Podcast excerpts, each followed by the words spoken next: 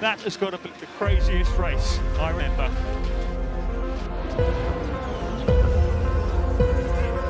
It's lights out and away we go. Yes, it's pole position. Get in there, Lewis. Come on! Yes! Toto? Yes. It's called a motor race, okay? Still we rise, guys. Still we rise. You just won the Hungarian Grand Prix. Well done, mate. He won! Max Verstappen, you are the world champion. The world champion. אהלן חברים, אתם על הגריד בפעם ה-15, מה קורה אוריאל? מה נשמע, עמית? תשמע, סוף סוף מרוץ ראשון גשום לעונה. איזה כיף. אם אתם לא יודעים מה אנחנו מדברים, אנחנו הולכים לדבר על המרוץ של אימולה, כמובן. המרוץ האיטלקי הראשון לעונה, הולך להיות לנו עוד אחד על, על הדרך. אה, וזהו, בואו נצלול לעניינים. יאללה. אז ככה, תוצאות המרוץ, ורסטאפן במקום הראשון, פרז, 1-2 ל- לרדבול. יש לנו את נוריס, ראסל, בוטס, לקלר, צונודה, וטל, מגנוסון וסטרול שסוגר את העשירייה הראשונה. ואז יש לנו את אה, דירוג הנהגים. אז אה, בעקבות הספרינט שהיה לנו באימולה, יש לנו ניקוד כפול בדירוג נהגים הקרוב. אה, יש לנו את לקלר שמוביל את הטבלה. אחר כך ורסטאפן בפער של 27 נקודות מלקלר. ופרז בפער של 5 נקודות מוורסטאפן. היוצאים מהרשימה, אלו שבעצם יצאו מדירוג הנהגים לעומת אה, אוסטרליה, מרוץ קודם, הם ראסל וסיינס. אה, בעקבות כמובן הניקוד הכפול שפשוט הקפיץ את רדבול ממש גבוה. אחר כך יש לנו את דירוג היצרנים. מבחינת היצרנים, יש לנו את פרארי עדיין את מובילה את הטבלה. רדבול סוף סוף עלו למקום הראשון, אה, סליחה, למקום השני. מרצדס חזרו, אה, הגיוני גם, למקום השלישי. אה, ומשם אנחנו עוברים לאימונים. בסדר, אז כן, אז לגבי האימונים, התחלנו אה, במקצה גשום.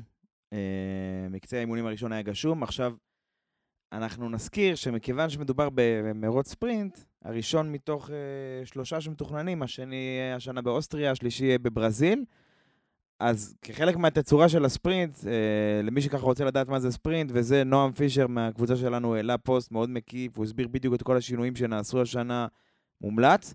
אבל ברמת העיקרון, השינוי, אחד השינויים העיקריים בסופה של ספרינט הוא שנעילת התצורה, שממנה כבר אי אפשר לעשות איזה שהם שינויים, במקום שהיא תהיה בדירוג ביום שבת, היא נעשית בדירוג אה, ביום שישי. זאת אומרת, אחרי מקצה האימונים הראשון. אז לקבוצות יש כולה שעה, ואנחנו מדברים כרגע תחת גשם, כן? אה, כולה שעה למצוא את האופטימום של הקיול של המכונית שלהם לכ- לכל הסופש. במקצה אימונים השני בשבת יש להם אפשרות לעשות שינויים מה שנקרא טוויקים, אבל לא משהו יוצא דופן. הם צריכים פחות או יותר לה- להיערך ל- לכל הסופש בשעה, ה- בשעה היחידה הזו שיש להם. עכשיו, בשני משפטים מה זה הספרינט? במקום שיש שלושה מקצה אימון, מקצה דירוג שקובע את סדר הזינוק ומרוץ, אז יש אה, מקצה אימון, כמו שאמרנו, שבסופו הקבוצות צריכות להיסגר על, ה, על מה שהן חושבות, על האיזון של המכונית. מקצה דירוג, כמו שאנחנו מכירים עד עכשיו, הוא קובע את סדר הזינוק לספרינט. הספרינט זה מרוץ רגיל, פשוט קצר בשליש מהמרוץ הזה. המנצח במרכאות בספרינט, במרוץ הספרינט, הוא קובע את סדר הזינוק, התוצאה של, של מרוץ הספרינט בעצם קובעת את סדר הזינוק למרוץ הרגיל, המרוץ הראשי שיש בראשון. השינוי היחיד השנה זה העניין שהוחלט לתת יותר ניקוד. אה, בשנה שעברה היה 3, 2 ו-1 למנצח במקום השני השלישי, שנה זה 8 נקודות בסדר יורד. זה ועוד איזה כמה דברים. זה אומר שבעצם עד מקום שמיני מקבלים אה, ניקוד. נכון, אז כאילו, רצו טיפה, אתה יודע, טיפה יותר להכניס עניין לזה, שלא רק הפודיום, במרכאות, אה, זוכה, של, שאנשים יהיה איזשהו, נקרא לזה, תמריץ לקחת סיכונים, לנסות איזשהו מהלכים, שזה ישתלם להם. כי בסוף הנקודות הקטנות האלה זה מכריע, אנחנו יודעים היסטורית שזה מכריע אליפויות, ו- ולא משנה אם זה מכריע את אליפות הנהגים, או שזה נותן לך בדיוק שתי הנקודות האלה שאתה צריך בסוף השנה, בשביל לעלות למקום הרביעי ביצרנים, או במקום בחמישי, וזה עשרות מיליונים כל מקום כזה, אנחנו יודעים את זה. עכשיו, אה, לגבי העניין הזה, דיברנו דירוג, אה, לא, סליחה, אה, דיברנו אימון, דיברנו ספרינט, מה היה בספרינט. אה, אימולה, בגלל שזה היה המרוץ הראשון באירופה, עד כה היה לנו אה, במזרח התיכון, אה, באוסטרליה, כמובן, אה, מה שנקרא מרוצי flyaways, שטסים אליהם, פחות משהו שהוא זה. אז המרוץ, ב- בגלל שהוא מרוץ ראשון באירופה, אז מבחינה לוגיסטית, כמובן שהרבה יותר קל להגיע לשם, כי הקבוצות הקבוצות מבוססות גם באירופה ברובן. אז לרוב המרוץ הראשון באירופה, בשנים עברו זה היה בספרד, אז הזדמנות של הקבוצות להביא מלא, אה, נקרא לזה את חבילות העדכונים המשמעותיות הראשונות של העונה. שאחרי ככה, נגיד מה שראינו בטסטים, אה, טיפה הסקנו מסקנות, תכננו כמה פתרונות, ייצרו אותם, זה לוקח איזה 8-10 שבועות מרגע שמחליטים עד שהדבר הזה מגיע פיזית למסלול. ואז ככה, נקרא לזה הרוויזיה הראשונה, מגיעה בדרך כלל למרוץ האירופי הראשון. רק מה שרוב הקבוצות, אה, כאילו זה התחלק לקבוצות שהעדיפו להישאר עם הקיים, מה שנקרא להוציא עוד מה... מה, מה המכונית הקיימת, לבין כאלה שאמרו, לא, אנחנו הולכים פול גז ואנחנו ננסה להביא עדכונים. לא ניגע בכל העדכונים של כולם, בוא ניגע בשלוש קבוצות עיקריות ומה הם הביאו, פחות או יותר.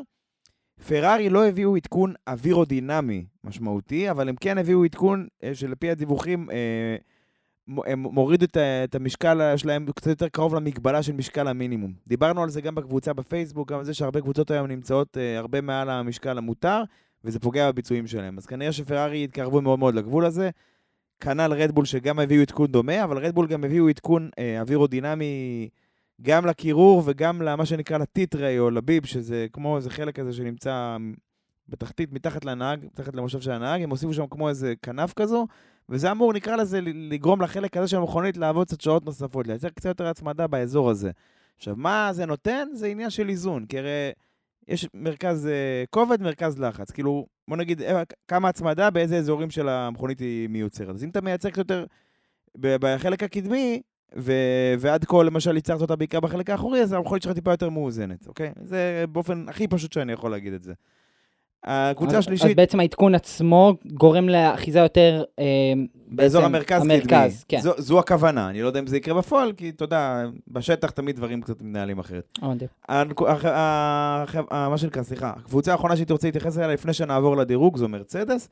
מרצדס אה, לא הביאו את העדכון שהם היו צריכים להביא, שהוא כנראה צפוי לברצלונה, זאת אומרת, מיאמי יהיה קצת כואב עדיין כנראה, מבחינתם. הם כן הביאו קנרדים כאלה, נקרא לזה כמו, אני קורא לזה קנרדים, כאילו כנפונים כאלה שנמצאים לצידי הרכב, הם, יש להם כאלה שניים לפני הכונס אוויר, לפני ה sidepod, הם הוסיפו אחד נוסף. עכשיו, כאילו אתה אומר, מה, מי שמסתכל ככה בעין בלתי מזוינת, מה שנקרא, מה הרעיון? כאילו, מה זה משנה? שמתם שניים, שימו עשרים, כאילו, אוקיי? כן. אבל מה, מה הכוונה? כל אחד כזה, כל קנרד כזה, הוא בעצם, אה, בטח בצורה ש... מה שנקרא פרופיל downwashing, זאת אומרת שהוא מוביל את האוויר כלפי מטה. כל קנרד כזה, הוא, מטרתו היא לייצר, בעצם, נקרא לזה, זה נקרא energize, להוסיף אנרגיה לאוויר באזור הזה, ליצור איזושהי מערבולת שתסחוף יותר אוויר לאזור הזה. אזור מה בעצם לכיוון של ה sidepod. בדיוק. אה, הם רוצים להכניס יותר אוויר ל sidepod. מהמם. עכשיו, מה זה נותן להם? אם הם הצליחו לשפר את היעילות של הקירור שלהם, והם עשו גם איזשהו עדכון באזור של המראה, אבל בואו ניכנס שנייה לנקודה הזו, לא נתעמק בזה. כן. מה זה נותן? אם הדבר הזה עובד כמתוכנן, זה מאפשר לך להקטין את הקירור, את הדרישות של הקירור בחלק האחורי של המכונית. עכשיו, זאת אומרת, את ה, נקרא לזה הכיסוי בחלק האחורי של המכונית, מעל הדיפיוזר, אתה יכול לעשות אותו טיפה יותר צר. ומה מה זה נותן בשורה התחתונה? אתה מקטין את הגרר, את ההתנגדות אוויר. ואנחנו יודעים שהתנגדות אוויר זה מכה של מרצדס העונה. בגלל שהיא כזו קופצנית, היא צריכה להגביה את המכונית, זה מגביל, מג, מג, מגדיל את התנגדות האוויר, ובגלל זה הם צריכים לרוץ עם כנפיים קצת יותר עבות, ואז זה עוד יותר מגדיל. קיצור, זה איזשהו פתרון פלסטר עד, עד שהם יביאו משהו, כנראה בברצלונה, שהוא ייתן איזשהו, נקרא לזה מזור ראשוני לעניין של, ה, של הקופצנות. הבנתי. אז בעצם משם אני רוצה להמשיך לדירוג. התנאים אה, לעומת התנאים באימון היו רטובים, אבל הם אפשרו אינטרס, לעומת הדירוג, ש... סליחה, האימון שבסוף אה, היה גשום, אז כולם רצו על ווט. משם אני לוקח בעצם את אה, ה-Q1.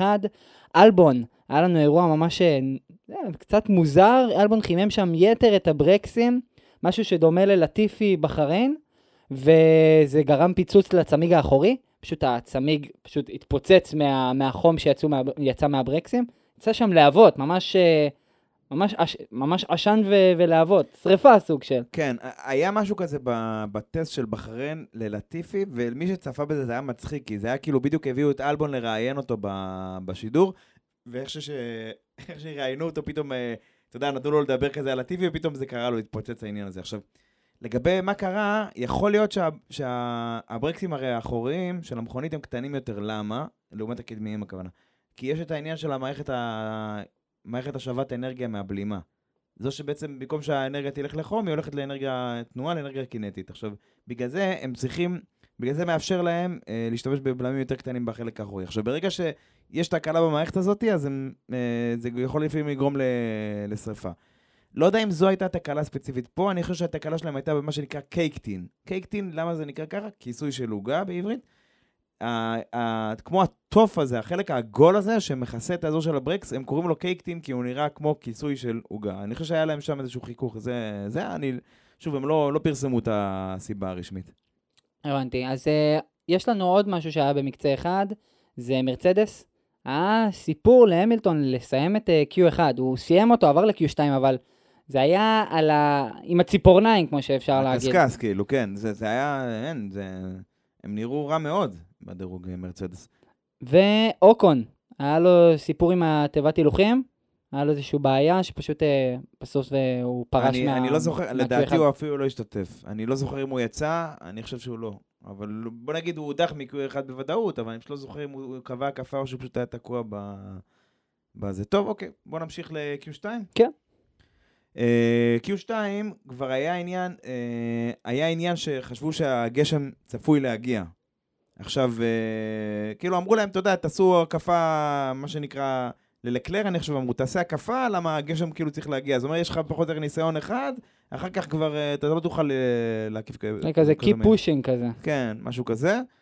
אה, מי שכן, keep pushing, מי שלקח את זה פשוטו כמשמעו, זה קרלו סיינס, שבאמת, אני חייב להודות, הוא היה בדרך להקפה טובה, הוא היה קצב טוב כל הסופש, לא- עד לאותו שלב למעשה. כן.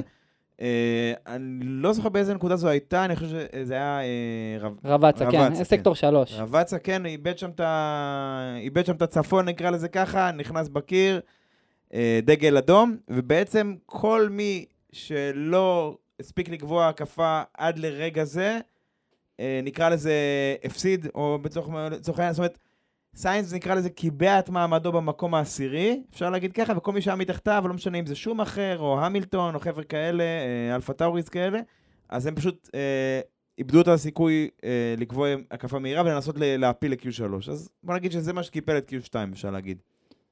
ו-Q3, אז אה, יש לנו מפתיע ב-Q3, ויש גם הסבר, כמו שאוריאל אמר, אה, פטל, פטל הצליח להגיע ל-Q3, אסטון מרטין פעם ראשונה עוברים את, אה, את Q3, וזה סוף סוף, אני, אני שמח שאסטון מרטין בסוף נכנסת לזה, כי זה מראה לנו שבסוף כל הגריד יכול להגיע כבר למקצה הזה. שוב, ו- זה תנאים משתנים. כן, ברור, זה, תנאים זאת אומרת, משתנים. זה חצי אה, רטוב, לך, לא יודע, תקרא לזה איך שאתה רוצה. אז זה לא כאילו תנאים, מה שנקרא, יבשים רגילים.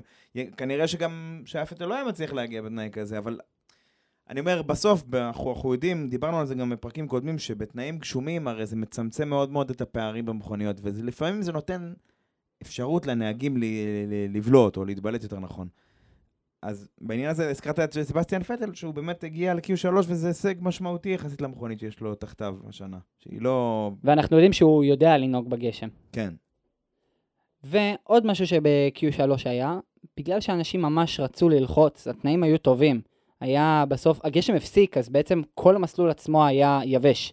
אה, ויש לנו את פניית אקווה מינרלי, שהיא יורדת, יש את, אה, יש, בעצם היא סוג של, אה, בין שני גבעות, היא סוג של איזשהו אזור שהוא יחסית ואדי.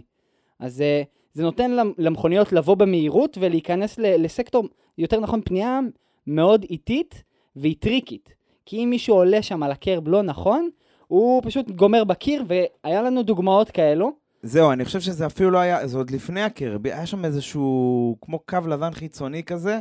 מה, זאת אומרת, אם באים לפנות אה, ימינה, הגבול החיצוני מצד שמאל, כל מי שעלה עליו שם, מצא את עצמו שייט בדרך לחצץ שם, אתה יודע.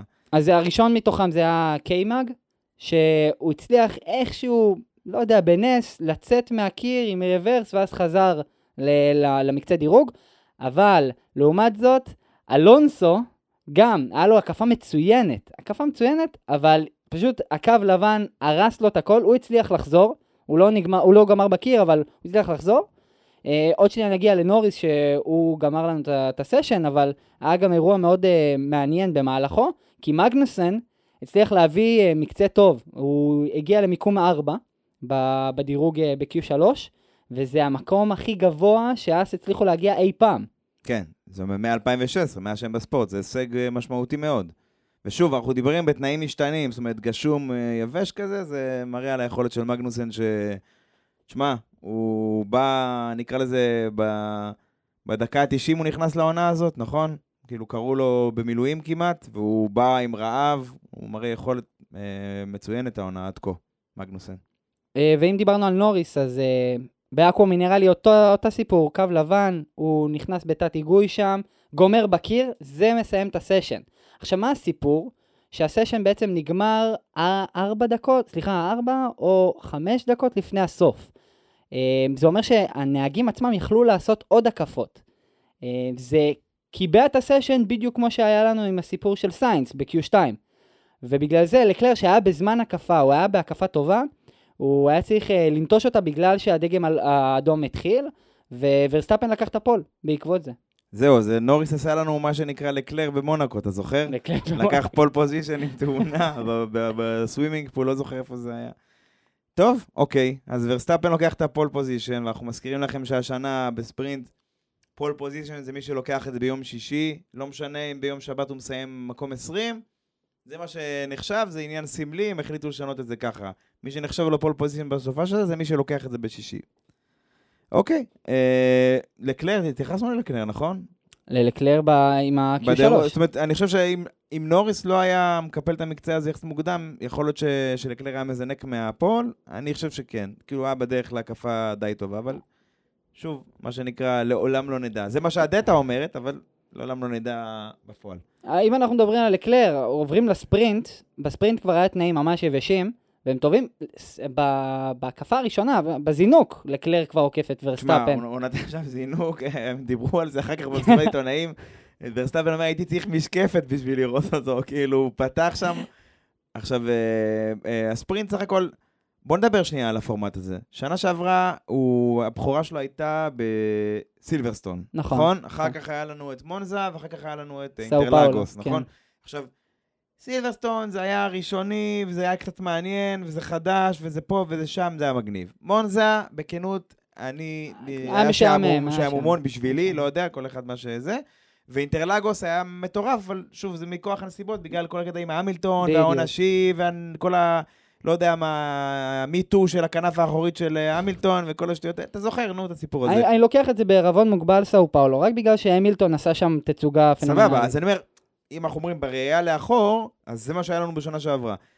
הספרינט הראשון של אה, 22, אה, בוא נגיד, אה, מבחינת נתונים יבשים תכף ניכנס אליו, אבל אני רוצה לשאול אותך בשאלה הכי פשוטה.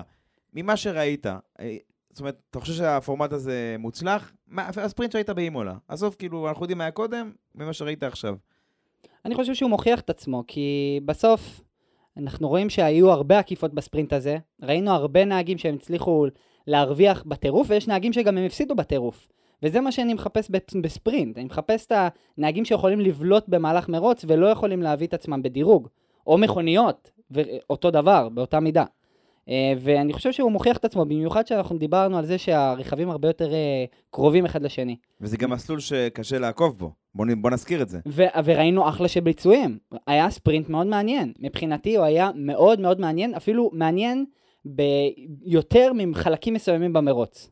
זה בטוח, כן, כי במרוץ הי- הייתה איזושהי רגיעה, זאת אומרת, אני חושב בשליש השני של המרוץ הייתה איזושהי רגיעה מסוימת, שהיא טבעית, זה קורה, מה לעשות, אבל אני חושב שהסיפור של הספרינט, מעבר ל... למה ש...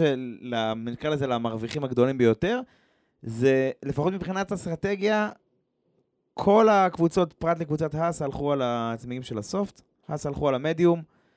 אה, שוב, זה 21 הקפות. כן. והמחשבה פה היא פשוטה, אז אמרו, טוב, אנחנו ניתן לאנשים כאילו, מה שנקרא, ל- לרוץ קדימה, הקפה 16-17 ככה, פחות או יותר, הצמיגי סוף שלהם אה, ירדו בביצוע ירדו. באופן משמעותי, אנחנו נהיה יחסית עמידים, ומה שנקרא, נעקוף אותם ב-3, 4, 5 הקפות לקראת הסוף. כן.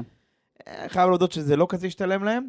למרות שראינו את לקלר סובל, ונדבר עוד שנייה על ורסטאפן לקלר, וה graining, השאלה לי אליך, אם זה יכול להיות, אם זה ב midfield היה אותו דבר כמו ה graining, יכול להיות שזה זה היה משתלם הרבה יותר לאס? כן, אבל העניין הוא שה midfield, זו שאלה טובה, ואתה יודע מה לא, מה שנקרא, התקלת אותי. ה midfield היה הרבה יותר צפוף מלקלר וורסטאפן, כי הרי ה midfield, אה, כולם בהקפות, אה, מבחינת זמני הקפה יחסית קרובים אחד לשני, נכון? אין איזשהו מישהו שהוא יתרון של שנייה להקפה או לא יודע מה. וורסטאפן ו... ולקלר, מטבע הדברים, רצים קדימה, והם במרדף, נכון? לקלר מנסה לפתוח פער, ווורסטאפן מנסה לסגור אותו. אז מן הסתם, מעבר לעובדה שהמכוניות שלהם אה, והיכולות שלהם כנהגים, שניהם אה, ברמה הגבוהה ביותר, אז כאילו, אז מטבע הדברים הם קובעים גם הקפות הרבה יותר מהירות. אז הם שוחקים את הצמיגים יותר מהר, וכמובן לקלר שהוא היה צריך להגן, הוא לוקח קווים פחות, קווים יותר הגנתיים שהם פחות אידיאליים. קיצור, הסבירות ל graining, מן הסתם הייתה יותר סבירה שקורית ללקלר מאשר לשאר ה... כן, שאר כן, ה... מידפילדים. דבוקה מאחור, גם כי בכל זאת, אתה יודע. זה, שוב, זה, אנחנו מדברים במסלול ש... שכאילו אין לו נטייה ל graining, נגיד, באופן כללי. אה, טוב, כבר דיברת על לקלר ו... ועל ה graining, אז לקלר אמרנו פתח בצורה מצוינת, ורסטאפן היה צריך משקפת וכן הלאה, לוורסטאפן היה איזה בעיה עם ה gear sync או משהו כזה, לא זוכר בדיוק מה זה היה. כאילו, משהו שם ב... בסנכרון של ההילוכים, בזינוק התפקשש לו, לא משנה, זה חלק מה, מה שנקרא חלק מהחוקים, מהספורט, זה מה שנקרא, או אתה או המכונית, לא חשוב. אה, ולקלר פחות או יותר כל הספרינט מוביל, וורסטאפן בסופו של דבר מצליח אה, להשיג אותו, ועוקף אותו ל... בעצם... כמה הקפות לקראת הסוף. להובל... להובלה, אה, כן. ומסיים ראשון את הספרינט, שאומר שהוא צריך... שהוא מקנה לו את לזנק ראשון גם ביום ראשון. עכשיו... ונותן לו את הניקוד הכי גבוה. נכון, שזה שמונה נקודות. שמונה. עכשיו, זה היה פעם ראשונה בהיסטוריה, פעם ראשונה בהיסטוריה, כן? ספרינט רביעי בערך, שהייתה בעצם היה מהלך או עקיפה על ההובלה, שדיברנו, קודם שאלתי אותך אם אנחנו חושבים שהפורמט הזה מוכר את עצמו, אז כן, אנחנו רוצים לראות עקיפה על ההובלה, כן, בספרינט. אני לא רוצה לראות איזה טור של מכוניות כמו שהיה לנו במונזה שנה שעברה, שאנשים מפחדים לעשות צעד, כי הוא יודע שאם הוא יעוף החוצה, הוא יזנק מהפיטלן יום אחרי זה. לא, כאילו צריך לתת לנהגים תמריץ שהסיכון שלהם שווה להם את, ה... שווה להם את הסיכון, שווה להם לקחת סיכונים. אז אם אה, נהגים שעשו סיכונים, גזלים, תקרית עם ז'ו, בפירוטלה, וז'ו מסיים בקיר. אה, הנה, נהג שאיבד את זה, זה גרם לסייפטי קאר בעקבות התקרית. כמובן, זה, זה מרוץ ספרינט, לא היה איזשהו החלפות או אסטרטגיות יותר מדי ש, שאנשים נקטו. אה, אבל אני רוצה לקחת אותך לסוף. אנשים שבאמת הרוויחו מה, מהספרינט האלו הם שניים. זה סיינס שהצליח לעלות שש מיקומים. שש מיק... שישה מיקומים, סליחה, זה, זה מדהים, זה, זה מראה את ה... אין מה לעשות, פרארי הם, הם רכב חזק, אבל אה, סיינס גם הביא כאן אחלה ביצועים. סוף סוף, אחרי שסיינס גמר את המרוץ באוסטרליה בגלל טעויות אה, של לנסות לעקוף, הוא מראה שבספרינק הוא מצליח להביא מכונית טובה וגם לעשות ביצועים טובים במהלך מרוץ. מה שנקרא, הוא פיצה על הטעות הטיפשית שלו מיום קודם. כאילו, על העניין עם החצץ, וב-Q2 זה... עוד, עוד מעט נדבר על המרוץ, אבל... חכה, חכה, אל תעשה ספוילר. ופרז עם ספרינט מדהים. הוא מתחיל שבע, מצליח לעלות ארבע מקומות ומסיים שלישי. יציב, טוב, כמו שצריך. תשמע, זה פרז, אני חושב שאולי בשבת הוא לא זה, אבל הוא, הוא מה שנקרא ממצב את עצמו בעמדה מצוינת. למה? אה, מה זה היה? מקס, לקלר, פרז וסיינס. כאילו פרז בדיוק איפה שהנהג מספר 2 צריך להיות. ברור שהוא עדיף היה שהוא יהיה להקדים את לקלר. ברור. אבל באופן כללי, אני אומר, פרז הסופש הזה, מבחינת ה... ואולי זה גם יתבטא בתוצאת המרוץ של רדבול, שאנחנו נדבר עליה לקראת הסוף. אתה יודע, זה... העניין הזה של הנהג מספר 2, הזה שאנחנו כל הזמן מדברים על זה, שהיה חסר ברדבול כל כך הרבה שנים, שם ראינו אותו, הסופש הזה ראינו אותו. עכשיו, אה, יותר מזה, אני, אני רוצה לציין שלקלר ספג הרבה בגלל ה graining, יש מצב שאפילו פרז יכל לעקוף אותו בהמשך. אתה אומר, אם היה לנו, לא יודע, 25 הקפות, 27. משהו כזה, ויכול להיות שהיינו רואים 1-2 ראשון, רדבול בספרינט. טוב, אז לפחות, לפחות היה לנו, אתה יודע, לפחות היה לנו אה, קדימון כזה. אה, משם בוא, בוא נעבור למרוץ. כן, אז אה, טוב, המרוץ, ככה לסבר את האוזן. מבחינת התנאים שהיו לנו במרוץ, עד לרגע תחילת המרוץ, אני חושב שכמה שעות קודם אה, ירד גשם במסלול. זאת אומרת, אמנם המרוץ התחיל בתנאים יחסית לחים, אבל אני, באופן כללי, זה שיורד גשם במסלול, מה שזה עושה, זה מאפס את התנאים בנוגע לעניין של עמידת האחיזה במסלול. כי הרי לאורך סופה של מרוצים, יש אה, פורמולה 1, 2, 3, פורשה סופרקאפ, תלוי איפה זה מקום בעולם. יש כל מיני קטגוריות שמתחרות אה, במקביל, או מלוות את אה, פורמולה 1. W Series, האליפות של אה, אנשים ודברים כאלה. כן. אז אתה יודע, ככל שבעצם אה, כולם לוקחים את הקווי המרוץ פחות או יותר אותם קווים, כאילו, אז ככל שיותר אה, אה, גומי בעצם נסלל על הקווים האלה, אז המידת האחיזה גדלה בקווי המרוץ בעצם. עכשיו, ברגע שיורד גשם, זה מעט מאפס את העניין הזה, כי זה מטבע הדברים שוטף את זה, אז ברגע שירד גשם לפני המרוץ, אז זה הקטין באופן משמעותי את מידת האחיזה במסלול. עכשיו, בתנאים כאלה, הרבה פעמים אנחנו רואים שהנהגים, אה, אה, חלקם מזנקים על הילוך שני. עכשיו, מה עומד מאחורי זה? בוא נגיד ככה בחצי משפט. אה, הם עושים את זה כדי למזער את מה שיכול להיות, מה שנקרא וויל ספין, הסבסוב גלגלים הזה כתוצאה מ... מחוסר אחיזה ב... בזינוק, אז עדיף לזנק על הילוך טיפה יותר גבוה עם טיפה פחות אה, אה, מומנט. wheel spin. כן. אה, טוב, אז אה, לקלר אה, בעצם בזינוק, מקס כאמור, בגלל שהוא סיים ראשון בספרינט, הוא זינק ראשון בזה, הוא נתן זינוק מצוין, פתח קדימה, לקלר אה, זינק פחות או יותר אה, סביר, אתה יודע, לא, הרבה פחות טוב מ- מהספרינט כמובן. האמת, האמת, אני רוצה לקחת אותך כאן ולהתמקד. לקלר וסיינס יושבים בחלק הימני של המסלול, ולעומת ורסטאפן, פרז ונוריס שיושבים בחלק השמאלי. מהמם. רואים שנוריס, פרז וורסטאפן פותחים טוב, ו- וסיינס ולקלר אה, אפילו נפגעים מה- כאילו, מכל מה שנקרא, המצבים. בחלק, הם היו בחלק, המל- מה שקוראים לו ביבש, בחלק המלוכלך של המ- המסלול. בדיוק, המלוכלך. הזה, כן, חלק עם הרבה, הרי במקרה שלנו יותר רטוב, אבל uh, הרבה פחות אחיזה. עכשיו, מה שקורה שם זה מקס בורח, בורח ללקלר, אין אפילו מה, מה לדבר על זה כל כך הרבה, ואז יש לנו את פרז לקלר, שבסוף פרז ולקלר, הקרב הזה נגמר מאוד מהר, לקלר מקבל את כל ההבנה שהוא לא יכול לקחת לפרז, והוא נשאר במקום השלישי. לעומת סיינס, שנלחם בפנייה הראשונה מול ריקרדו, שמנסה גם לעקוף אותו מהחלק השמאלי של המסלול, אה, וריקרדו סיינס בעצם נכנסים בפנייה אחד.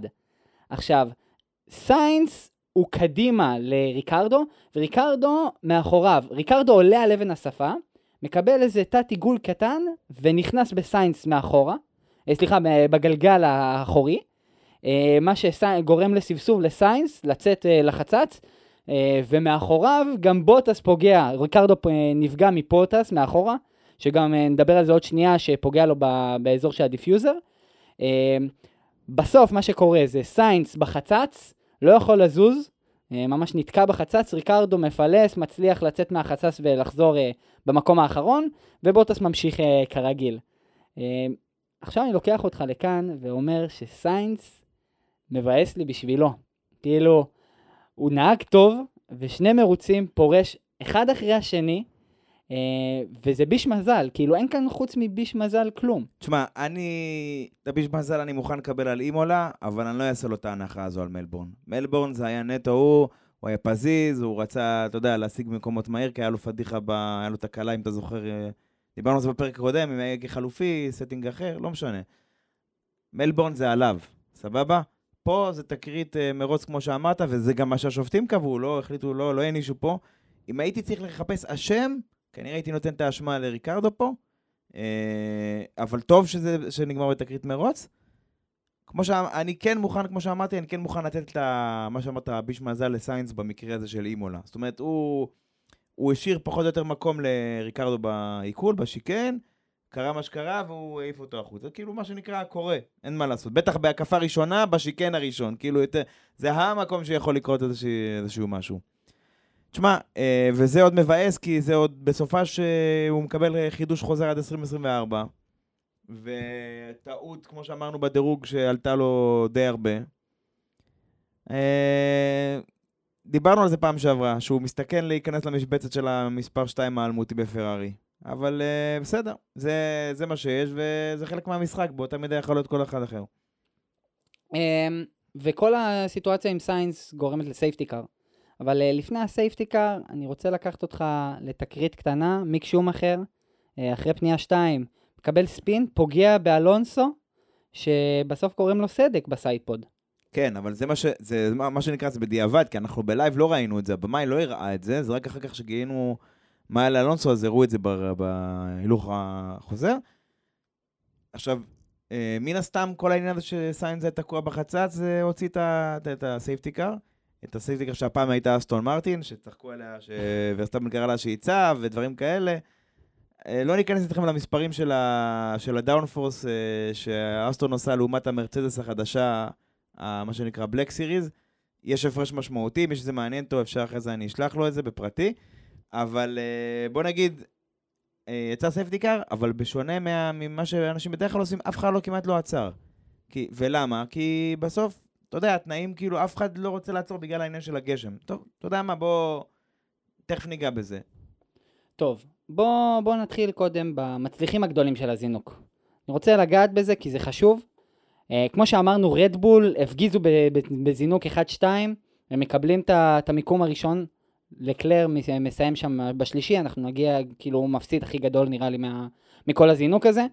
יש לנו את קווין מגנסן שמקבל אה, שלושה מק- מקומות מתנה, ככה שלושה כרטיסים, בחינם, בעקבות כל התקרית עם, אה, עם בוטס, אה, בוטס ריקרדו ו... כן, ו... וסיינס. אה, ועוד מצליח גדול זה המצלמה של אוקון בזינוק. אה, מצלמת קסדה. תשמע, כן. זה, זה, זה, זה פשוט, אני מת על המצלמה הזו. אני כאילו, אני רוצה שייתנו לי אפשרות לראות מרוצים שלמים רק איתה. או לפחות, אתה יודע, מדי פעם מזגזג עליה, כי ראו כמה הראות הייתה מוגבלת בתנאים האלה, כמה באמת לא רואים שום דבר מקדימה, זה היה מטורף. תשמע, אבל אה, אני חושב שאם כבר דיברת על מצליחים, אתה חייב להזכיר את ג'ורג' ראסל. אני חושב שהוא הגיע למקום, תוך הקפה, אפילו לא הקפה, בהקפה הראשונה כבר הוא הגיע כבר למקום השישי, מיצב את עצמו יופי שם. מהמקום ה-11 למקום השישי. טירוף. בסדר, טוב, תשמע, אה, דיברנו רגע, הנקודה שעצרנו בה קודם הייתה העניין של סיינס, אז בעצם ה safety car וכל הדברים האלה. אה, בשונה מבדרך כלל, אנשים לא רצו לנצל את ה safety car למה שנקרא לעצירה חינמית. אה, ולמה? כי בשלב הזה, מה שנקרא, יש את השיר הזה, מחכים למשיח, נכון? של אה, זה?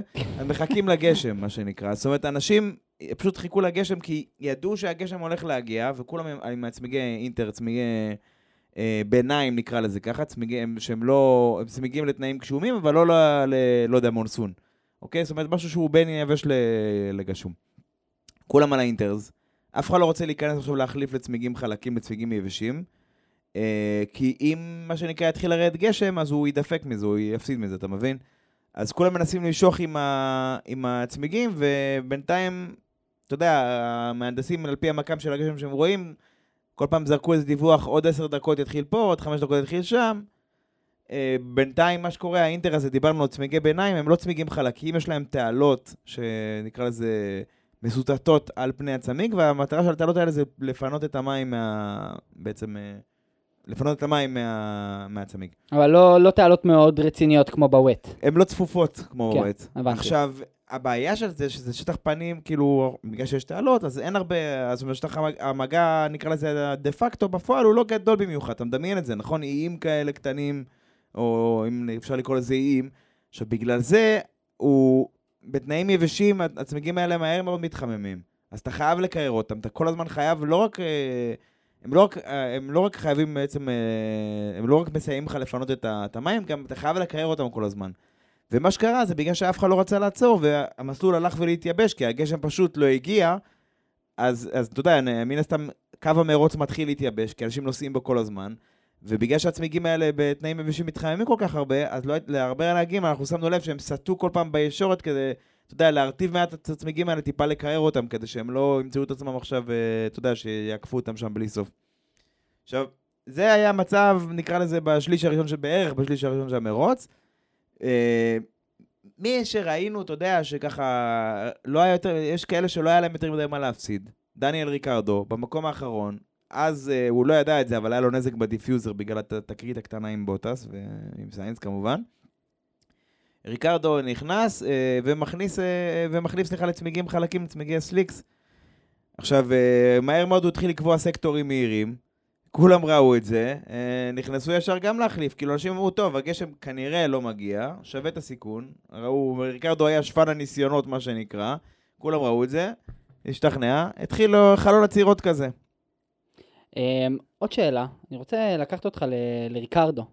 כמה הנזק של ה diffuser השפיע? ל- בכלל, אני ראיתי שהנזק השפיע, כי הוא לא יכל להמשיך ולעלות ב grid, ב grid בכלל, לא היה לו מלחמות כמעט כל המרוץ. מה, מה קרה כל כך חזק, כאילו, נגיעה, מה היה שם? איך זה קרה? אז שוב, אז בוטס נכנס בזה פיזית. עכשיו, אנחנו נדבר שנייה בק- בקצרה, כן? כי אנחנו לא רוצים להיכנס לעובי הקורה פה. ה diffuser זה החלק האחורי, האחורי ביותר של המכונית. זה כמו, אה, כמו רמפה כזו שהולכת ומתרחבת, אוקיי? היא מתרחבת, למה? כי זה עניין של עיקרון ונטורי, דיברנו על זה בפרק העשירי שלנו, שהמהירות, אה, ככל שהמהירות אה, גדלה, הלחץ יורד, ובעצם יש שאיבה, וככל שהמהירות אה, קטנה, הלחץ גדל. זה יחס הפוך כזה, בסדר? עכשיו, עיקר ההצמדה השנה מיוצרת על ידי הרצפה. עכשיו, בקצה הרצפה יש את ה diffuser הזה שהולך ומתרחב, למה הוא מתרחב? כדי להאיץ את האוויר החוצה. עכשיו, ברגע שהדבר הזה נפגע, אז נקרא לזה המנוע ייצור ההצמדה, במרכאות מנוע, לא מנוע מכני, מנוע ייצור ההצמדה העיקרי שלך נפגע. וברגע שהוא נפגע, אז זה פוגע באיזון של המכונית שלך באופן משמעותי. אני לא יודע לגבות את זה כרגע באיזשהו דאטה, ואני בטח לא ראיתי את הדאטה שלהם, אבל לא ראיתי התייחסות ספציפית, אבל אני בטוח שזה עלה לו בכמה עשיריות טובות, מינימום, מינימום, מינימום חצי שנייה להקפה. מינימום, ואנחנו מדברים על, על uh, מקלרן, שהיא, היא, אתה יודע, היא ככה נמצאת פה ושם כרגע, היא לא בדיוק מובילה את הזה, זאת אומרת, משתנה בתנאים. במרוץ גשום, בלי DRS, שגם ככה אנחנו ראינו בהמשך הדרך כמה אנשים היה להם קשה לעקוף. אז אתה אומר, תוסיף לכל העניין, אנשים שלא היה להם נזק, כן? כן. תוסיף את כל העניין הזה, סדר גודל של איזה חצי שנייה להקפה, קיבלת את ריקרדו אה, בטיול שנתי שם בסוף אה, לבד. אה, עכשיו, דיברנו על אה, עצירות. העצירה הראשונה משמעותית הייתה אה, מן הסתם אה, בהובלה של לקלר ו- ופרז. אה, פרארי אה, מנסים אה, לעשות איזשהו... סליחה, לעשות איזושהי אסטרטגיה אה, מול רדבול. רדבול מקדימים ועוצרים עם פרז, פרארי נשארים הקפה בחוץ, מנסים לקבוע הקפות מספיק מהירות, כדי, דיברנו על זה פעם, מה שנקרא overcut, שהם יצאו החוצה, הם יצאו לפני פרז. זה אכן היה המצב, אבל אה, פרז, ברגע שהוא מגיע ללקלר, אחרי שלקלר עוצר, הוא כבר מגיע עם צמיגים חמים, לקלר היה שם עם צמיגים אה, קרים בלי הרבה אחיזה, פרז פשוט תקף אותו כאילו כמו כלום, אתה יודע, זה... זה באמת כאילו, עקף אותו ואפילו פתח עליו פער. בסקטור הראשון כבר. כן, איך שהוא יצא. זאת אומרת, הוא יצא מהזה, ישר בסקטור הראשון, כמו שאמרת בדיוק. הדבר המשמעותי השני, אני חושב, היה התקרית בין אה, אה, המילטון לאוקון, אוקון, כן. שזה מה שנקרא unsafe release, אה, או ש... זאת אומרת, שחררו את אוקון ל... ל... לישור את הפיט מה... מהפיט שלו בצורה שהיא לא בטוחה, בצורה שהיא מסכנת. והוא בעצם אה, נכנס ב... בהמילטון, או שהוא כמעט, פגע... כמעט. כמעט לא. המילטון שם אה, ממש לוקח את כל, ה... את כל ההגה כדי לשמור את, אה, את הכניסה של אוקון, כי אוקון פשוט מנסה להיכנס בצורה מאוד אגרסיבית. הוא מקבל על זה חמש שניות, אוקון. זהו, הוא- בסופו של דבר הוא קיבל איזה עונש. אה, זה לא כל כך היה משמעותי, כי אוקון היה גם ככה במרוץ כל כך גרוע, מבחינתי. הוא היה פשוט בסוף, אה, בעשירייה, ב... מתחת לעשירייה הפותחת, ומשהו שלא אופייני לו, אם אנחנו מדברים על אוקון כנהג, אה, ועל על, אה, בכלל, על אלפין בעונה הנוכחית, אה, ופשוט הוא לא הוציא מזה כל כך הרבה. אז אה, באסה, אבל אה, עוד חמש שניות ל- לרזומה. טוב, מכאן אני רוצה לקחת אותך לאירוע הנטפליקס הגדול שהיה לנו באימולה. ורסטאפן, המוביל כמובן, עוקף את המילטון שהתקשה מול פייר גזלי אה, במקום ה-13, ב- כמובן בדגל כחול. אה, ורסטאפן עוקף אותו בהקפה נוספת, אה, בעצם הוא עוקף אותו הקפה, הקפה יותר עוקב אותו בסיבוב. בסיבוב, כן. ו- ו- וזה מראה לנו את הפערים כמובן שמרצדס למול רדבול, ו- ובכלל על רדבול כ- כמובילת הטבלה מבחינת מהירות, וכמובן ו- ותחרות מול פרארי. אה, אני רוצה לקחת אתכם לוורסטאפן, כי ברעיונות עצמם, ורסטאפן לא היה כל כך אה, נלהב מזה שהוא עקף את אה, המילטון. הוא אמר שתכלס, זה לא מפתיע אותו, כי המילטון פשוט איטי כל השנה, אז הוא לא התלהב כל כך לעקוף את המילטון בהקפה יותר. למרות שאני, אם אני מסתכל על זה, זה מראה את הפערים בין אה, ורסטאפן, שהיום מקבל מכונית טובה, עם יכולת אפילו לאליפות, לבין המילטון שמתקשה להגיע למיטפילד. זהו, כזאת. המכונית שלהם היא לא, לא הדבר הצפוי בעולם, המרצדס הזאת, בגלל העניין של הקופצנות הזאת, הזכרנו את זה עשרות פעמים. אבל אה, כן, טוב, נקודה חשובה, בטח לאור מה שהיה ב-21, קרב אליפות בין שניהם, כן? עכשיו, אני לוקח אתכם גם לנושא העיקרי שהתעסקנו בו אה, בפרק הקודם, שזה האמינות. רדבול מול מרצדס. שרדבול הולכת על אסטרטגיה שהיא בונה רכב מאוד מהיר, אבל יכול להיות לו הרבה בעיות אמינות, וראינו את זה. כמובן שהנהגים שלהם פורשים במהלך הארבע מרוצים האחרונים ב-1 ל-2, 1 לשתי מרוצים, אה, למול אה, בעצם מרצדס שבונה רכב שמסיים מרוצים, מסיים בניקוד, כמובן, הם עכשיו השלישי ביצרנים, והם לא הכי מהירים שיש, הם לא, לא מגיעים ל, ל, ל, לפודיומים, והמהירות הסופית שלהם בישורת, כמו שאנחנו מדברים, היא נופלת, כי הרכב גבוה יותר. זהו, אז הפעם באמת, הבעיות אמינות, שמה שנקרא, שהעיבו על התוצאות שלהם, לא, לא באו לבקר, אבל uh, בסדר. טוב, תשמע, בוא, uh, אחד הנושאים אולי הכי מעניינים זה העניין של ה-DRS, יותר נכון, היעדר ה-DRS, אוקיי? זאת אומרת, DRS באופן כללי, בתנאים שנחשבים תנאים רטובים, גשום, דברים כאלה, אז בדרך כלל אה, לא מאפשרים את השימוש בו מסיבות בטיחותיות, כדי שאנשים לא יפתחו ויעופו וזה. אבל כמו שאמרנו, באיזשהו שלב המרוץ התחיל להתייבש, וכבר הפכו התנאים יבשים אה, כמעט לחלוטין, אז נשאלת השאלה, מדוע לא אפשרו את השימוש ב-DRS קודם? עכשיו, נגיד שמבחינה חוקית אין איזה משהו שהוא ככה, אתה יודע, שמגדיר שבתנאים כאלה וכאלה, ביום שני שיורד אה, גשם, מותר, לא. זה שיקול דעתם של ה-FIA, כאילו, נטו מבחינת בטיחות, האם לאפשר הפעלה של ה-DRS או לא. בעצם השופטים עצמם יכולים להחליט. כן. עכשיו, בסוף הם עשו את זה ב- ב- ב- במחצית של המרוץ או משהו כזה, אבל זה יצר מצבים מעניינים, כי למשל היה רכבות כאלה שהתפתחו, נגיד, אה, בין אה, אלבון, שהוא נקרא לזה הקטר של הרכבת הזאתי, לגזלי ולהמילטון, שהם התקשו לעקוף אחד את השני, זאת אומרת, יותר, יותר, יותר נכון בין אה, המילטון ל... לגזלי, שהוא ניסה לעקוף את את גזלי וככה לא, לא הצליח. ובאיזשהו שלב שהפעילו את ה-DRS, אז כאילו זה היה מצחיק, כי בגלל שגזלי מספיק התקרב לאלבון, אז הוא גם היה זכאי ל-DRS, ואז זה פשוט זה קירב את שניהם לאלבון, ו... וזו נקודה שהיא מעניינת, כי הרבה נהגים, גם, גם מלפנים, גם נהגים שזאת אומרת, נקרא לזה במרכז הטבלה, כמו המילטון וגזלי, וגם חבר'ה שהיו מאחורה עם uh, לטיפי, ש... uh, כולם העידו שהמהירות של הוויליאמס בישורת, כאילו, אי אפשר היה להגיע אליהם בכלל, אז כאילו, זה רק מראה לך על ה setup שהם לקחו, שהם אמרו, טוב, מקסימום הפניות שלנו טיפה ייפגעו, אבל אנחנו בישורות קצת נהיה יותר מהירים, אז מה שנקרא, הם היו כמעט בלתי פגיעים בהקשר הזה של הזה. האמת, מי שנהנה מה-DRS בסוף זה היה צונודה. כי בסוף הוא, ראינו אותו עף בישורת, תוקף הרבה, וזה בעקבות ה-DRS. אבל, נקודה נחמדת, שה-DRS, בסוף, כאילו, זה שהוא לא הופעל, זה נתן לנו קצת עקיפות אולד סקול, נתן לנו קצת טעם של, הנה בוא נראה נהגים שיודעים לנצל את הסיטואציה, ויכולים ליהנות מהסיטואציה הזאת, ואני נהניתי דווקא לראות את ה old school האלו בלי ה-DRS, ליהנות מקרבות אמיתיים וזה- שנבנים למשך... במסלול old school גם, לא סתם. במסלול old school. אבל לא יודע, אני, אם, השאלה האם, האם עדיין צריך את ה-DRS או לא, אני חושב שעדיין צריך אותו. שזה הוכיח לנו שעדיין צריך אותו. כן, ברור, ברור ש... אה, זה טעימה נחמדה, אבל אני לא חושב שיותר מזה. בתנאים משתנים, לא, כן. אבל, נכון, אבל דיב, דיברנו על זה, כאילו, אני בעד ה-DRS הזה ואני חושב שצריך אותו כל זמן שהוא משרת את המטרה המקורית שלו. לא עקיפה מלאכותית, אלא שייתן לבן אדם, תרתי משמע, את הפוש הקטן הזה, שיביא אותו למצב עקיפה. את העקיפה הוא יצטרך לעשות בעצמו, אוקיי? אף אחד לא... אני לא רוצה שיהיו עקיפות כאילו ששותים האנשים בישורת עם ה-DRS, אלא שזה מספיק יקרב אותו כדי שהוא יוכל לעשות מהלך, אבל את המהלך הוא יצטרך לעשות בעצמו. זה, לדעתי, אם זה כל הזמן שזה יעבוד ככה, בתקווה שזה ימשיך ככה, זה עדיף. טוב, אה, אחד הדברים שהרגשנו מהרגע הזה, שהיה הרבה המתנה לאקשן.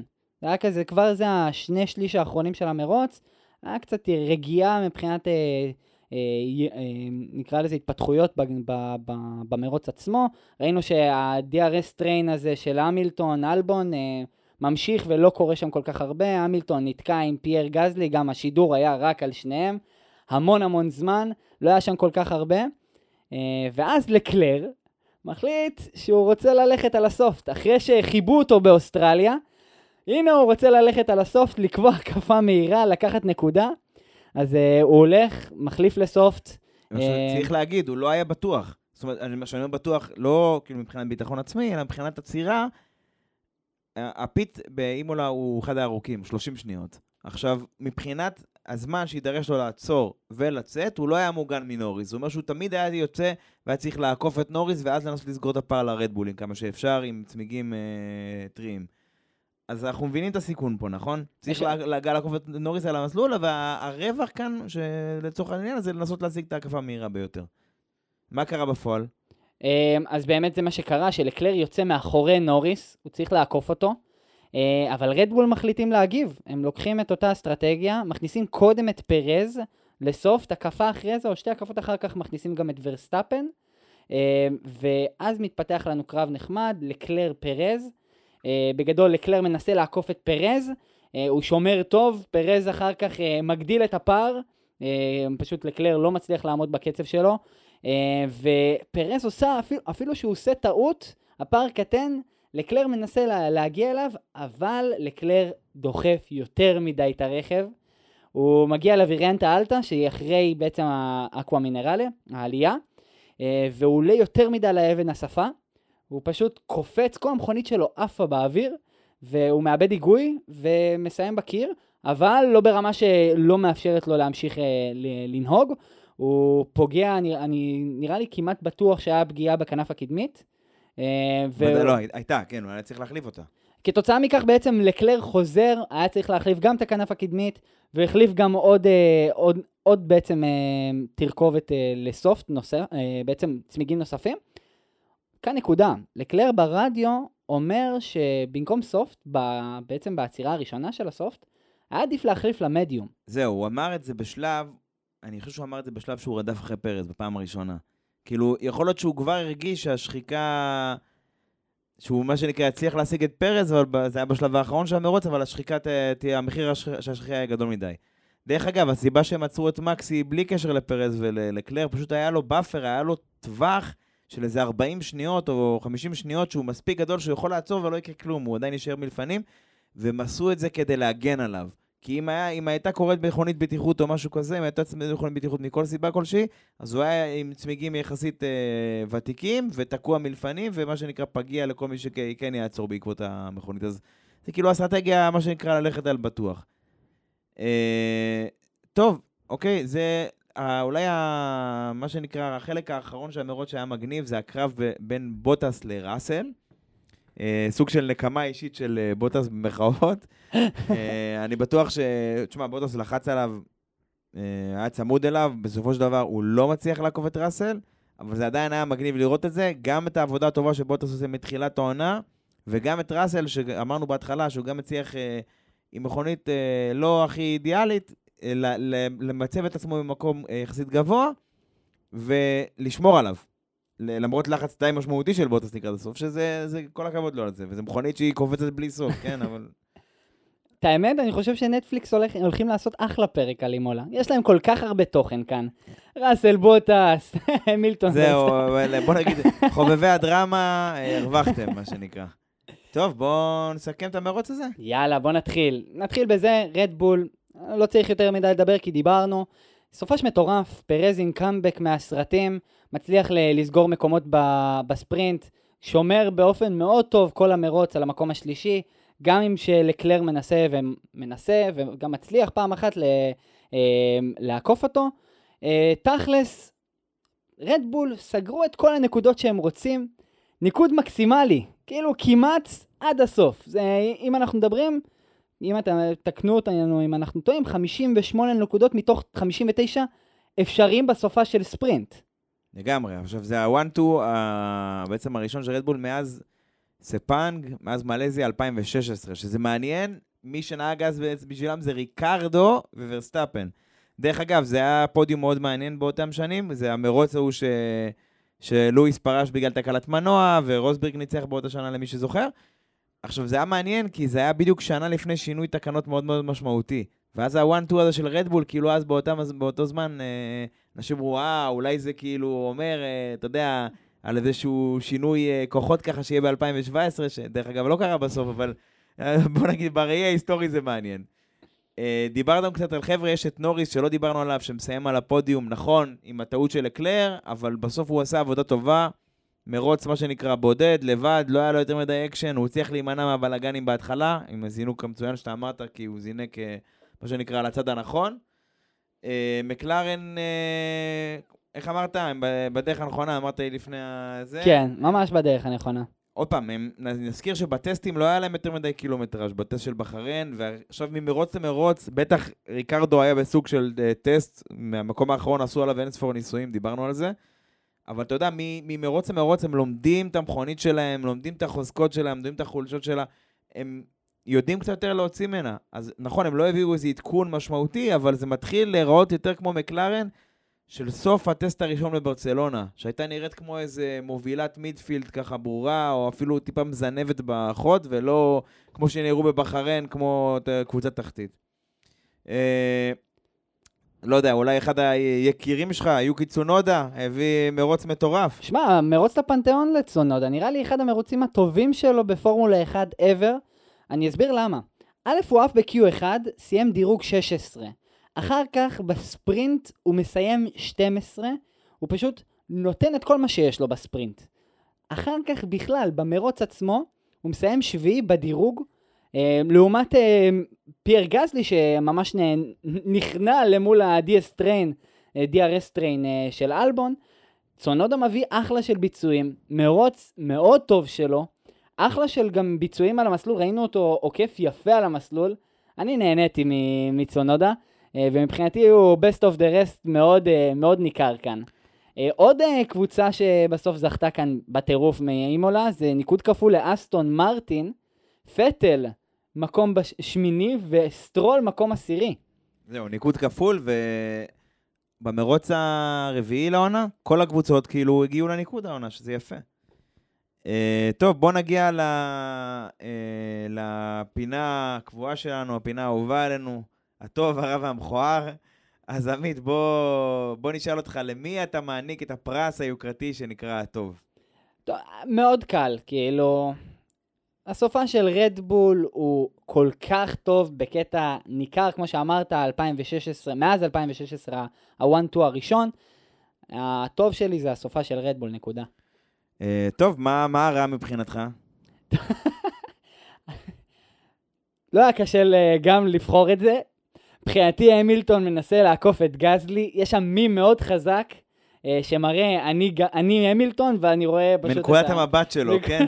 נקודת המבט של המילטון, ורואים פשוט את הכנף האחורית של גזלי. כי זה היה פשוט כל המרוץ של המילטון, מסכן, באמת מסכן. והאחרון, הפרס הכי גדול של הגריד, אה, כמוד... כמובן בחסות הטוסטר שלנו. אה, המכ... המכוער שלך, אוריאל, אני, הייתה לי התלבטות קשה, אני חושב שאנחנו נלך על, uh, על המכ"ם גשם, בינתיים. על הגשם שלא הגיע. לא, אתה יודע מה, יכול להיות שיכול להיות יותר מוצלח, ואני אשמח לשמוע הצעות אחר כך מבחינתכם. יאללה, עוברים למרוץ הבא. הצצה למרוץ הבא יש לנו את מיאמי. פעם ראשונה שאנחנו מגיעים למסלול הזה. מרוץ שני בארצות הברית, וכחלק ממגמה, שנה הבאה אנחנו מדברים על מרוץ שלישי גם בווגאס, כזכור. תשמע, מיאמי, אה, מסלול חדש, מסלול רחוב, ב- אני אומר את זה בטון הזה, במרכאות, כי אני לא רואה איך מישהו אחרי זה... ש... יום אחרי המרוץ אני לא רואה מישהו שם מחנה את את המשפחתומטית שלו. אה, סמוך לאצטדיון הארד רוק.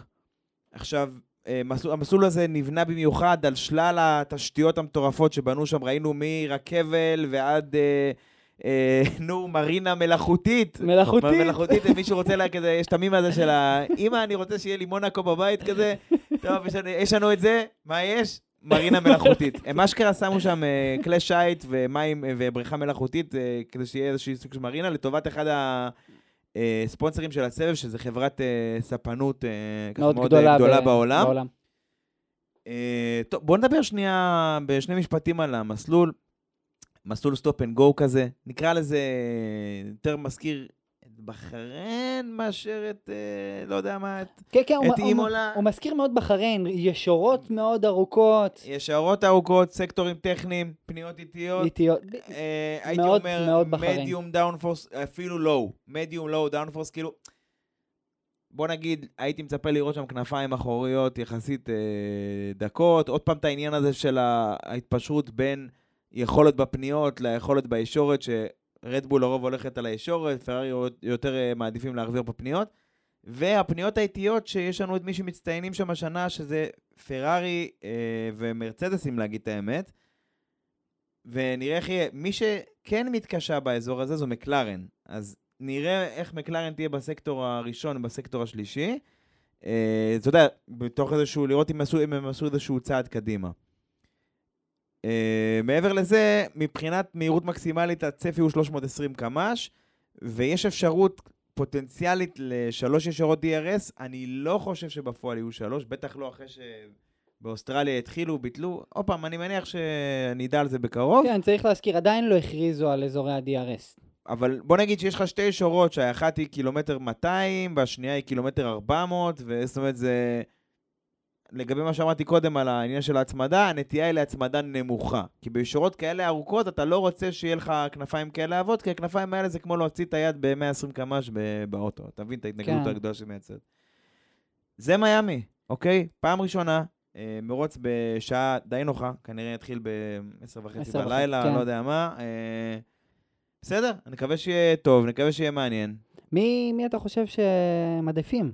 עדיפים למרוץ הזה. תשמע, אני, אני חושב שרדבול ופרארי, קודם כל, פרארי אמורים להביא, יכול להיות שהפעם, יכול להיות של ברצלונה איזה עדכון מסוים, אם הם יביאו זה יהיה מאוד מעניין, כי המכוניות כרגע יחסית שקולות, וזה יכול להיות שזה נופל בדיוק על השפיץ הזה, על קוצו של יוד העניין הזה, שמישהו יביא את האקסטרה הזו והוא יהיה דומיננטי. אותי הכי מעניין, בטח בהקשר של סעודיה, מי שזוכר את סעודיה, רדבול הלכו על setup שהיטיב איתם בישורת, אבל פגע בהם בפניות, ופרארי להפך. יהיה מעניין מבחינתי לראות את ההתפשרויות של ה setup של הקבוצות, מה הם יבחרו. טוב, זה היה הפרק שלנו על אה, אימולה, מה שנקרא אמיליה רומניה. לא הזכרנו את השם של, ה... של המרוץ, כן, אבל זה היה הפרק שלנו, על זה הסיכום הזה. אה, אנחנו מקווים שנהניתם. נגיד רגע, עמית, איפה אפשר למצוא אותנו?